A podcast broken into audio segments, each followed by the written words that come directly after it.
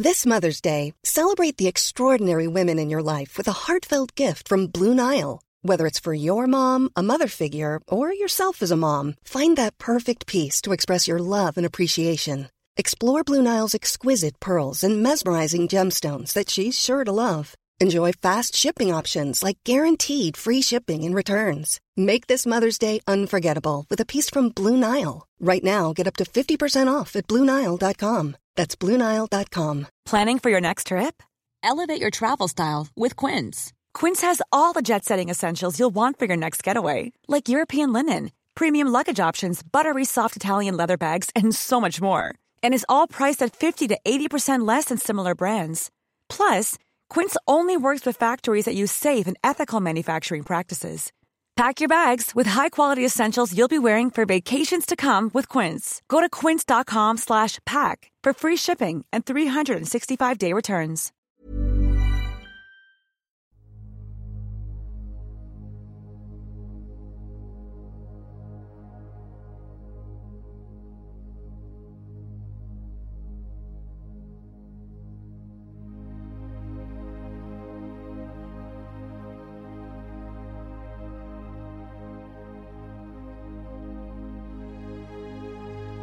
Ljus eller mörker gäller människor i den fysiska dimensionen och varelser i alla andra dimensioner. För att kunna se vad som är vad behöver vi människor vara öppna för både ljus och mörker. Det kräver mod och ett öppet sinne. Ljuset ger oss ljus, värme, kärlek, gemenskap, tillhörighet, vänskap och en massa vackra livsupplevelser. När vi talar om mörkret i podden så är det när vi människor upplever förvirring, kaos, hot, angrepp, manipulation, splittring som bidrar till att man känner sig ensam, isolerad och rädd. Att vara i sin egen kraft är att våga se verkligheten för vad den är och där göra medvetna val. Du kan bara kontrollera din värld, dina känslor, din livsupplevelse och det är att vara i sin egen kraft. Varmt välkommen till podden Kosmiska samtal.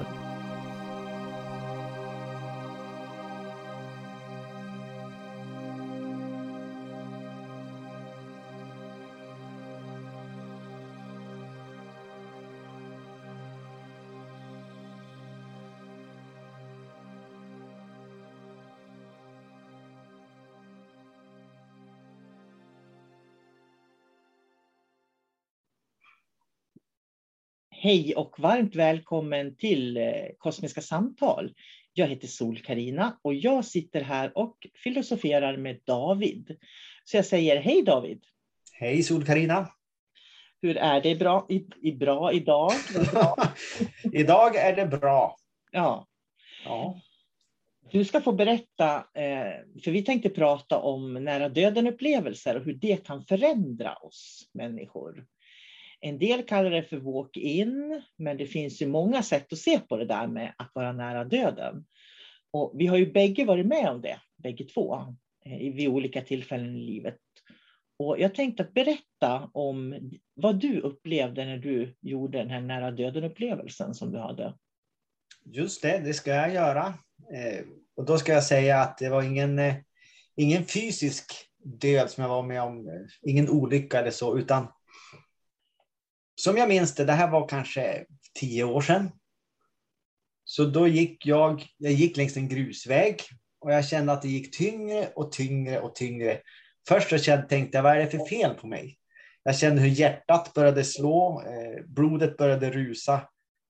Men i takt med att jag vart mer och mer trött så vart jag mer och mer lugn samtidigt. Så jag vet att jag gick av vägen över diket och så satt jag med, med ryggen mot en eh, tall. Och medan jag satt där så uppfylldes jag av en eufori. Och jag vet att jag tänkte att nu kommer jag att dö. Alltså det var precis så det kändes. Nu har mitt hjärta på något sätt eh, brustit. Och jag kommer att dö, men jag är väldigt, väldigt lycklig. Jag tittade upp i trädkronan och jag såg hur allting blev till ljus. Eh, löv, alltså barren, grenarna, hela skogen blev bara, bara ljus. Och jag är övertygad om att det är så där det känns att dö. Så jag har dött på riktigt. Och jag vet inte hur länge jag satt där. Jag kunde ha suttit där i tio minuter. Jag kan lika gärna ha suttit i en timme. Tiden bara försvann. Men det som hände var att sen var det som att jag kom tillbaks, jag söks tillbaks in i kroppen igen. Så antagligen var det mitt medvetande som bara for ut. Så att jag blev ett med allt. Sen sögs jag tillbaks och sen var allting som vanligt igen. Förutom den där känslan som fanns. Att någonting är förändrat, någonting har hänt. För det här var någonting otroligt viktigt som hände i mitt liv. Man har bara den känslan att det här är väldigt, väldigt viktigt och någonting har hänt. Så att där och då dog jag. Så det, det är min, min eh, historia. Mm. Jag, jag, har en liknande historia. Eh, utan att dra alltihopa så kan jag säga att efteråt, när jag kom tillbaka, så upplevde jag att jag var en annan person. Det var som att den jag var före jag dog, eller inte, jag dog inte men höll på att dö, den personen fanns inte längre. Jag upplevde att eh, jag hade andra tankar. Jag hade en annan medvetenhet. Det var som att jag kunde se saker tydligare eh, på olika sätt. Eh, och jag visste saker som jag inte hade vetat förut eh, efteråt. Och där började den stora förändringen i mitt liv egentligen. Så, så min fråga till dig är att upplevde du något liknande, att du tänkte annorlunda, såg annorlunda på omgivningen, på dig själv efteråt? Det, det är klart och det hade väl redan börjat också, eh, redan innan den här upplevelsen. Jag vet att jag hade skalat bort väldigt mycket av mina gamla kompisar. Eh, jag hade börjat med jag tror jag hade börjat med reiki också och dylikt, så att jag hade som kommit igång med mitt nya liv. Och sen fick jag den här upplevelsen och jag, jag menar, jag är här nu. Det som jag gör nu idag, sitter här och pratar med dig, det skulle inte förekomma för eh, tio år sedan. Så att jag är på en helt annan nivå nu än vad jag var, var före. Del... Så hela min utveckling har, har alltså det har bytt riktning, alltså 90 grader. Mm.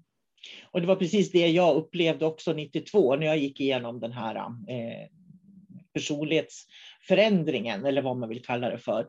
Då trodde jag att, att jag hade gjort en walk-in. Jag trodde att man har en själ och sen går själen ut och så kom det in en ny själ ett ny, liksom i kroppen, en ny, ett ny, nytt medvetande.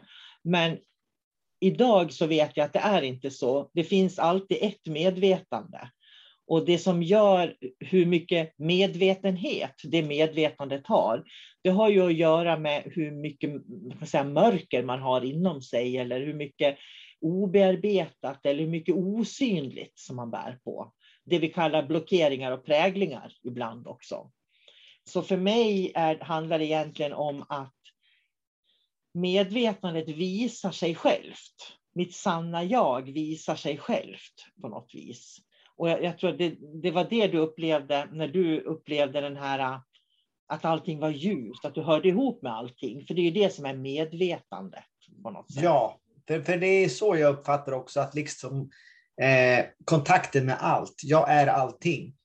Jag, är, jag var inte min kropp längre, utan jag var medvetandet i dess renaste form. Mm. För sen, ett medvetande i en kropp innebär ju alltid begränsningar i medvetandet.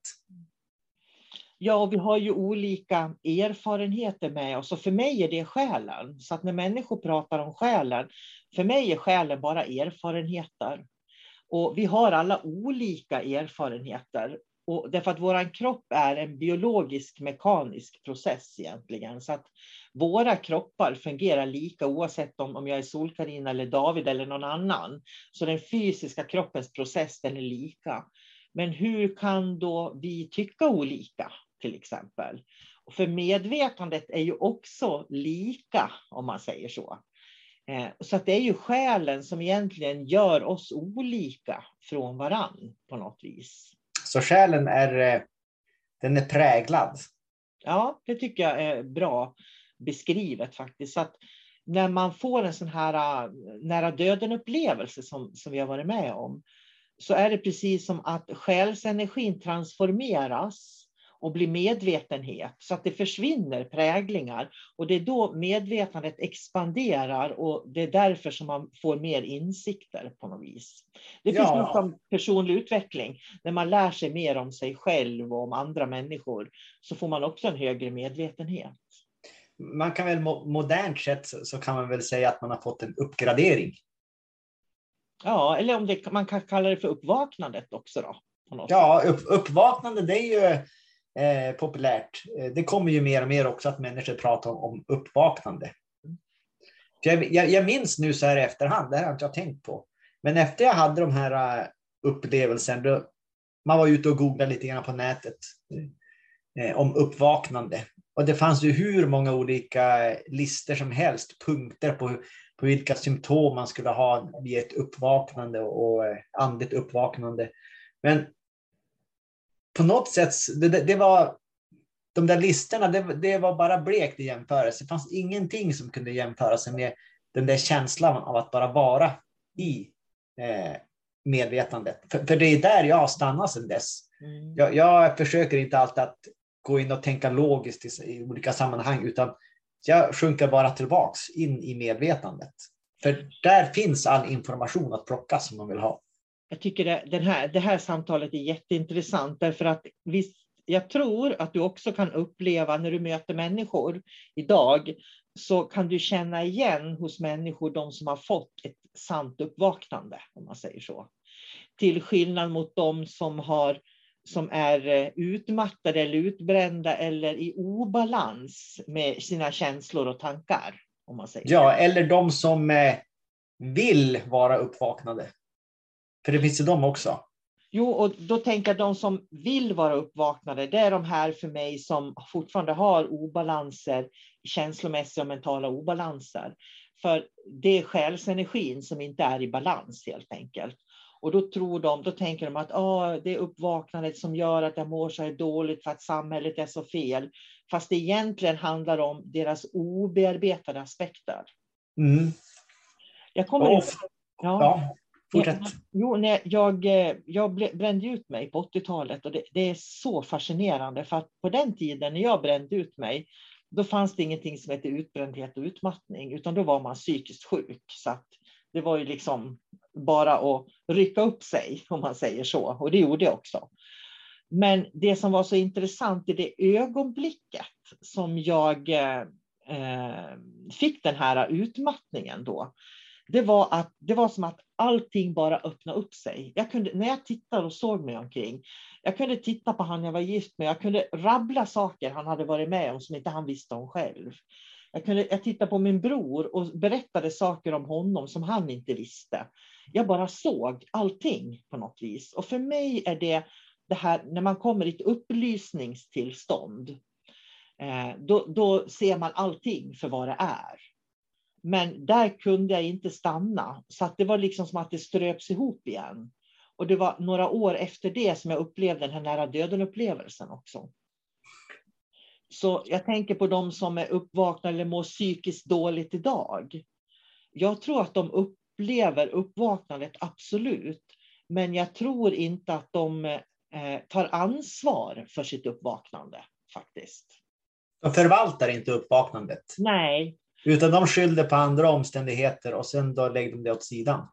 Ja, för då är det samhället som inte kan möta upp dem eller också är det någon i familjen som inte kan möta upp dem på rätt sätt och så där.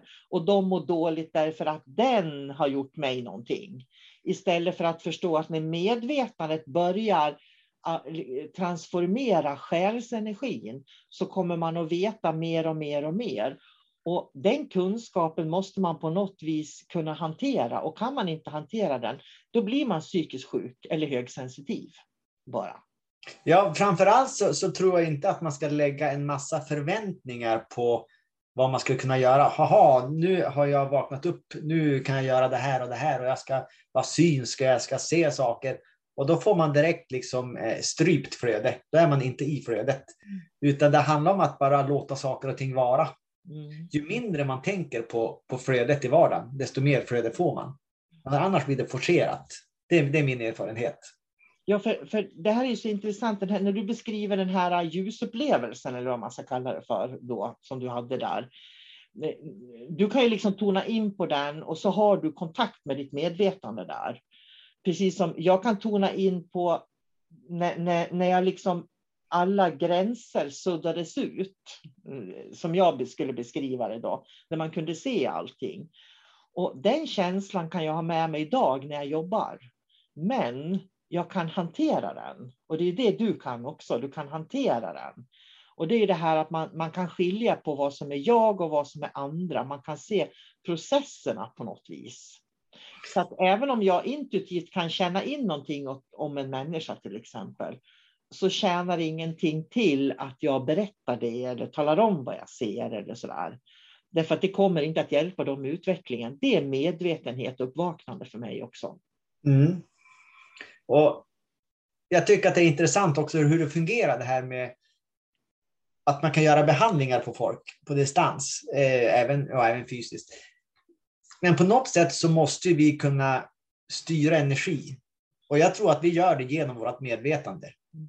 För om jag tar till exempel sitter här och så får jag kontakt med mitt medvetande och så går jag till eh, en annan persons medvetande. Och så går jag ner där. Då kan jag till exempel känna att den har ont i en fot. Mm. För jag får också ont i samma fot. För då har jag synkroniserat ihop våra, våra energisystem via våra medvetanden. Då, som egentligen är samma medvetanden.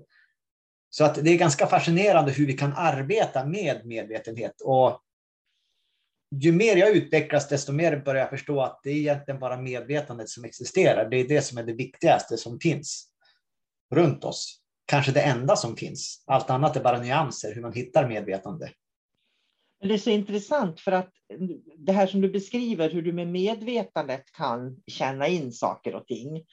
Det är precis just det som skiljer när man känner in någonting med själen. För när du känner in någonting med själen, då är du i de här formerna och strukturerna. För själen är former och strukturer.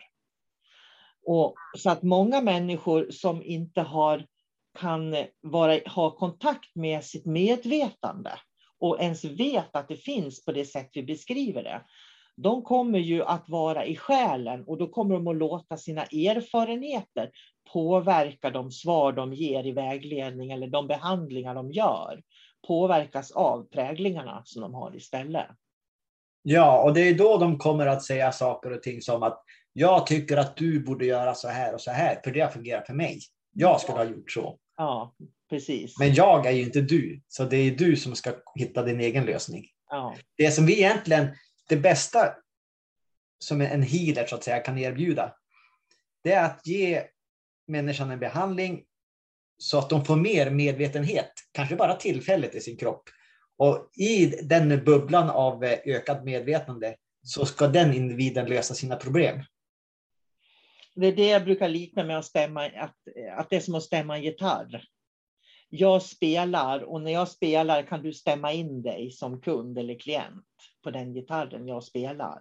Ja. Jag kan ta in vibrationen och du kan stämma in dig på den vibrationen om du vill. Och gör du det så, så kommer du att få insikter, men jag har ingenting med dem att göra egentligen. Jag har ingen aning om vad de är, vad det är för insikter du får ens en gång. Och det, det, det är det som är en sån skillnad mot vad jag kan se ibland på Facebook och sådär, att när de talar om att jag är duktig på det här och jag är duktig på det här och jag är duktig på det här. Eh, jag kan ta ett exempel bara, för nu har jag utbildat mig i trauma och PTSD som är jätteintressant då. Och så ser man liksom alla de här äh, platta healingmetoderna som finns, där man då ska få traumaterapi genom en 20 minuters behandling. Och då kan jag känna, då har man snärjt in sig ordentligt i själen, verkligen. Därför att det finns ingen som kan göra traumabehandling på någon annan i 20 minuter. Traumabehandling, det är någonting oerhört äh, brett och långt och, och, och, tidskrävande, om man säger så. Det är ingenting man gör på en kvart. Det är det jag menar. För att vi har ju levt i trauma innan vi blev medvetna om att vi har ett medvetande, till exempel. Mm. Så för mig att leva i trauma, det är att vara i själens sår väldigt mycket. Men det, det är väldigt intressant. Men jag är fortfarande kvar i den här känslan nu. Mm. Om eh, när man får en walk-in eller får en uppgradering eller vad vi nu ska kalla det. Tänk om det skulle finnas ett sätt, vi är lite filosofiska här, och det finns säkert ett sätt. Om det finns människor som kan som en behandling ge en sån här uppgradering, ge en sån här eh, uppgradering. Det skulle vara väldigt transformerande och då skulle det bli en snabb instant kick också. Men man skulle i alla fall inte bli liksom eh, fri över en natt, utan det kan i alla fall man få insikter och så fortsätter ju resan. Och det tror jag att det finns. Det finns människor som kan det här. Men det handlar ju också om att den som tar emot det också ska vara öppen för förändring eller transformation. Därför att för mig, att vara i själen, det, det är väldigt mycket att man är i huvudet. Om man är i hjärtat till exempel, då är man ju i den här enheten som du beskrev, det här att man är ett med allt. Det är för mig hjärtat. Och den vägen till det egna hjärtat, den måste varje människa göra själv. Väljer man rätt healer eller rätt terapeut så kan man få hjälp med det. Men man kan också, nu läser jag ju KBT också, så nu påverkar de allt jag läser. Man kan ju förstärka eller försvaga eh, faktiskt präglingar som man bär på. Så att min erfarenhet när jag liksom sitter och, och, och, tittar vad jag ser på nätet och vad de skriver och sådär, det är att det är väldigt mycket förstärkningar på sånt man redan tror på. Eh, istället för att man förstärker till exempel att vara i en icke-polär verklighet då, till exempel. Där man inte eh, går in och tycker det ena eller det andra. Eh, jag vet inte om du hängde med hur jag tänker där. jag tror det. Ja. I runda slängar. För, för, jag tycker det är så fint det där med att vara i ljus. Jag vet jag gjorde en, eh, en power en gång i tiden för många, många år sedan. Eh, och när jag gjorde den powern, en power det är ju ett sätt att lära sig att dö medvetet. Och det du beskrev när du satte vid trädet och det, hur, hur liksom verkligheten förändrades, det är för mig ett sätt att dö medvetet på faktiskt.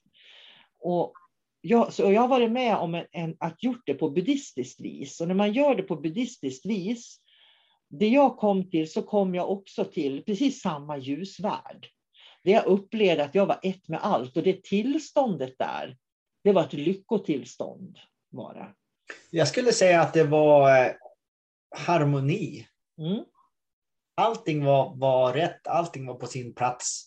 Och det, det bara var. Allting. Det fanns inga strukturer, fanns inga former. Så det går, det går, inte att stanna i det tillståndet. För skulle man stanna i det tillståndet, då fungerar man inte i en fysisk kropp. Men jag har fått ibland, ibland så, så, så får man en sån här synkronitet. Eh, det har jag varit med om ett par gånger, bland annat, jag kanske har berättat det förut, men att någon gång att jag ska ha en viss sak, mm. specifik sak. På en gång skulle jag ha ett badrumsskåp till exempel. Så jag for till ett ställe som jag visste kanske skulle kunna ha, det var en second hand butik. Jaha, nej, här fanns det ju ingenting, men jag vet inte varför jag gjorde det. Men jag gick igenom ett rum där det stod massa arbetare och jobbade med taklampor. Och så gick jag in i nästa rum. Sen slet jag upp en filt som låg precis på golvet. Och under filten låg det där skåpet. Mm. Så att det var bara att någonting styrde mig dit. Och det är också det här att man får en ingivelse på något sätt. Och jag tror att det hör ihop med uppvaknandet. Där har du en jättefin nyckel som du beskrev nu tror jag. Ja. När, därför att när du har fått, när du har fått uppvaknandet, då jagar du inte längre, utan då kommer saker till dig. Och det ja. med den här ingivelsen, för så kan jag uppleva också att jag behöver inte längre jaga saker och ting. För allt som jag är ämnad för läggs framför mina fötter på något sätt. Ja, och jag menar på, på något sätt, människor pratar ju mycket om law of attraction. Och det här blir ju också law of attraction, fast man behöver inte fokusera på det. Man behöver inte sitta och tänka att jag vill ha det hela tiden, utan det räcker med, med en gång säga, jag ska ha ett badrumsskåp, ett sånt där ska jag ha. Och sen är det bara att vänta. Sen, det, sen kommer skåpet till mig. För menar, det där händer många andra saker också i mitt liv. När jag vill ha någonting, jag väntar och väntar, sen får jag det på ett eller annat sätt utan ansträngning ofta. Men det har ju också att göra med att du har skalat bort allting oviktigt så att du lever din livsväg. Du går på din livsväg. Du lever meningen med ditt liv. Du, du är på den plats där du ska vara också. Istället, på, istället för att du försöker jaga eller bli någonting som egentligen inte ligger i din väg. Nej, så är man, på, är man på rätt ställe, det är klart att det underlättar väldigt mycket. För då har man ju inte de här tankarna och gör jag rätt, gör jag fel, borde jag göra något annat? För då är man ju väldigt splittrad. Jag tror på fullt allvar att eh, law, law, law of attraction, alltså attraktionslagarna, är livsfarliga för människor. Och det tror jag på fullaste allvar. Därför att jag tror att eh, attraktionslagarna styrs utav våra präglingar. Allt det där vi inte har fått i livet och vill ha. De besvikelserna som vi vill läka såren till. Det är attraktionslagarna. Därför att attraktionslagarna, vad jag vill ha, sitter oftast i huvudet. När man kommer dit som du beskrev och som jag beskrev, då behöver man inte attraktionslagarna, för man vet att det kommer. Det är en helt annan sak. Jag behöver inte ens be om det, för det kommer. Ja, och sen finns det också en risk att lov attraction börjar arbeta med egot också. Så att det, det blir egostyrt istället för att det ska vara styrt från, från hjärtat. Och det, är det, kännande. det är det som är huvudet för mig, när man låter egot styra och begär styra. För att begär kommer ju av att vi saknar någonting på något vis. Men att leva varje dag och känna att jag har allt jag behöver. Och just det, jag skulle behöva det också. Ja, men då går jag dit och hämtar det där. Då bara följer du den eh, känslan, ingivelsen som du gjorde. Ja, och jag ska säga också det att känslor var spännande, vi pratar om det nu.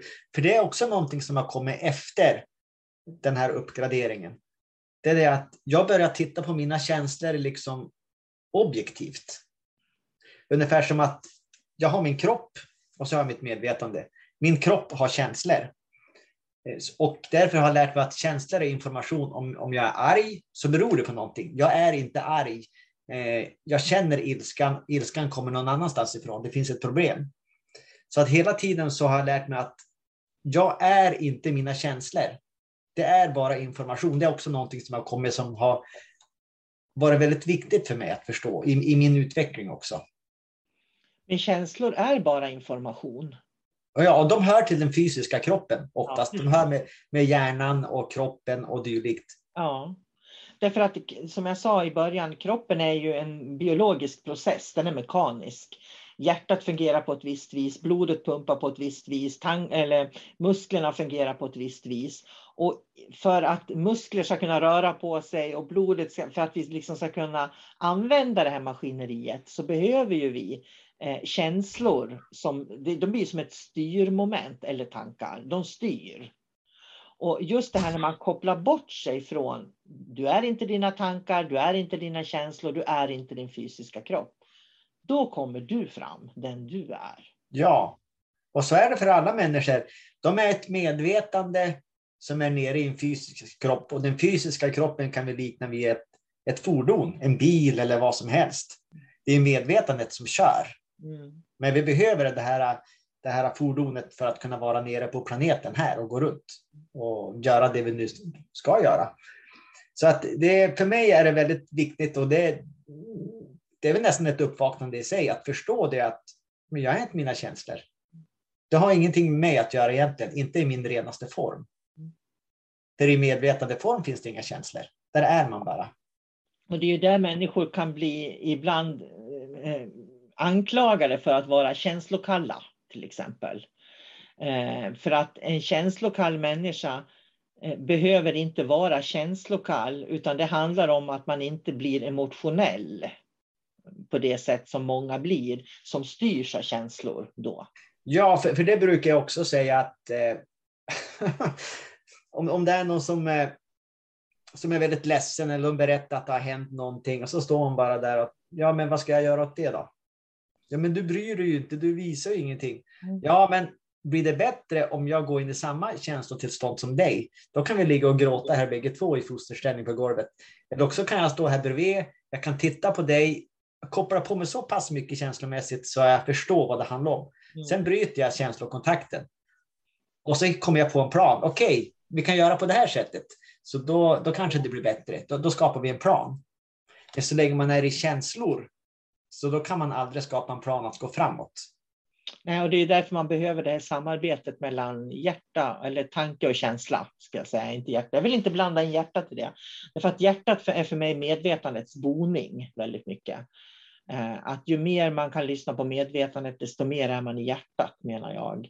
Medan eh, tankar och känslor har med eh, själen att göra och det, det karmiska, våra livserfarenheter och allt det där. Mm, vad tror du? Runda av där, känns det okej? Okay? Det känns helt okej. Okay. Eh, det känns som ett upplyftande samtal faktiskt. Mm, bra. Då får du ha det så bra David, så hörs vi. Det gör vi. Mm, hej då. Ja. Planning for your next trip? Elevate your travel style with Quince. Quince has all the jet-setting essentials you'll want for your next getaway, like European linen, premium luggage options, buttery soft Italian leather bags, and so much more and it's all priced at 50 to 80% less than similar brands. Plus, Quince only works with factories that use safe and ethical manufacturing practices. Pack your bags with high-quality essentials you'll be wearing for vacations to come with Quince. Go to quince.com slash trip for free shipping and 365-day returns. Want flexibility? Take yoga. Want flexibility with your health insurance? Check out United Healthcare Insurance Plans. Underwritten by Golden Rule Insurance Company, they offer flexible, budget-friendly medical, dental, and vision coverage that may be right for you. More at uh1.com.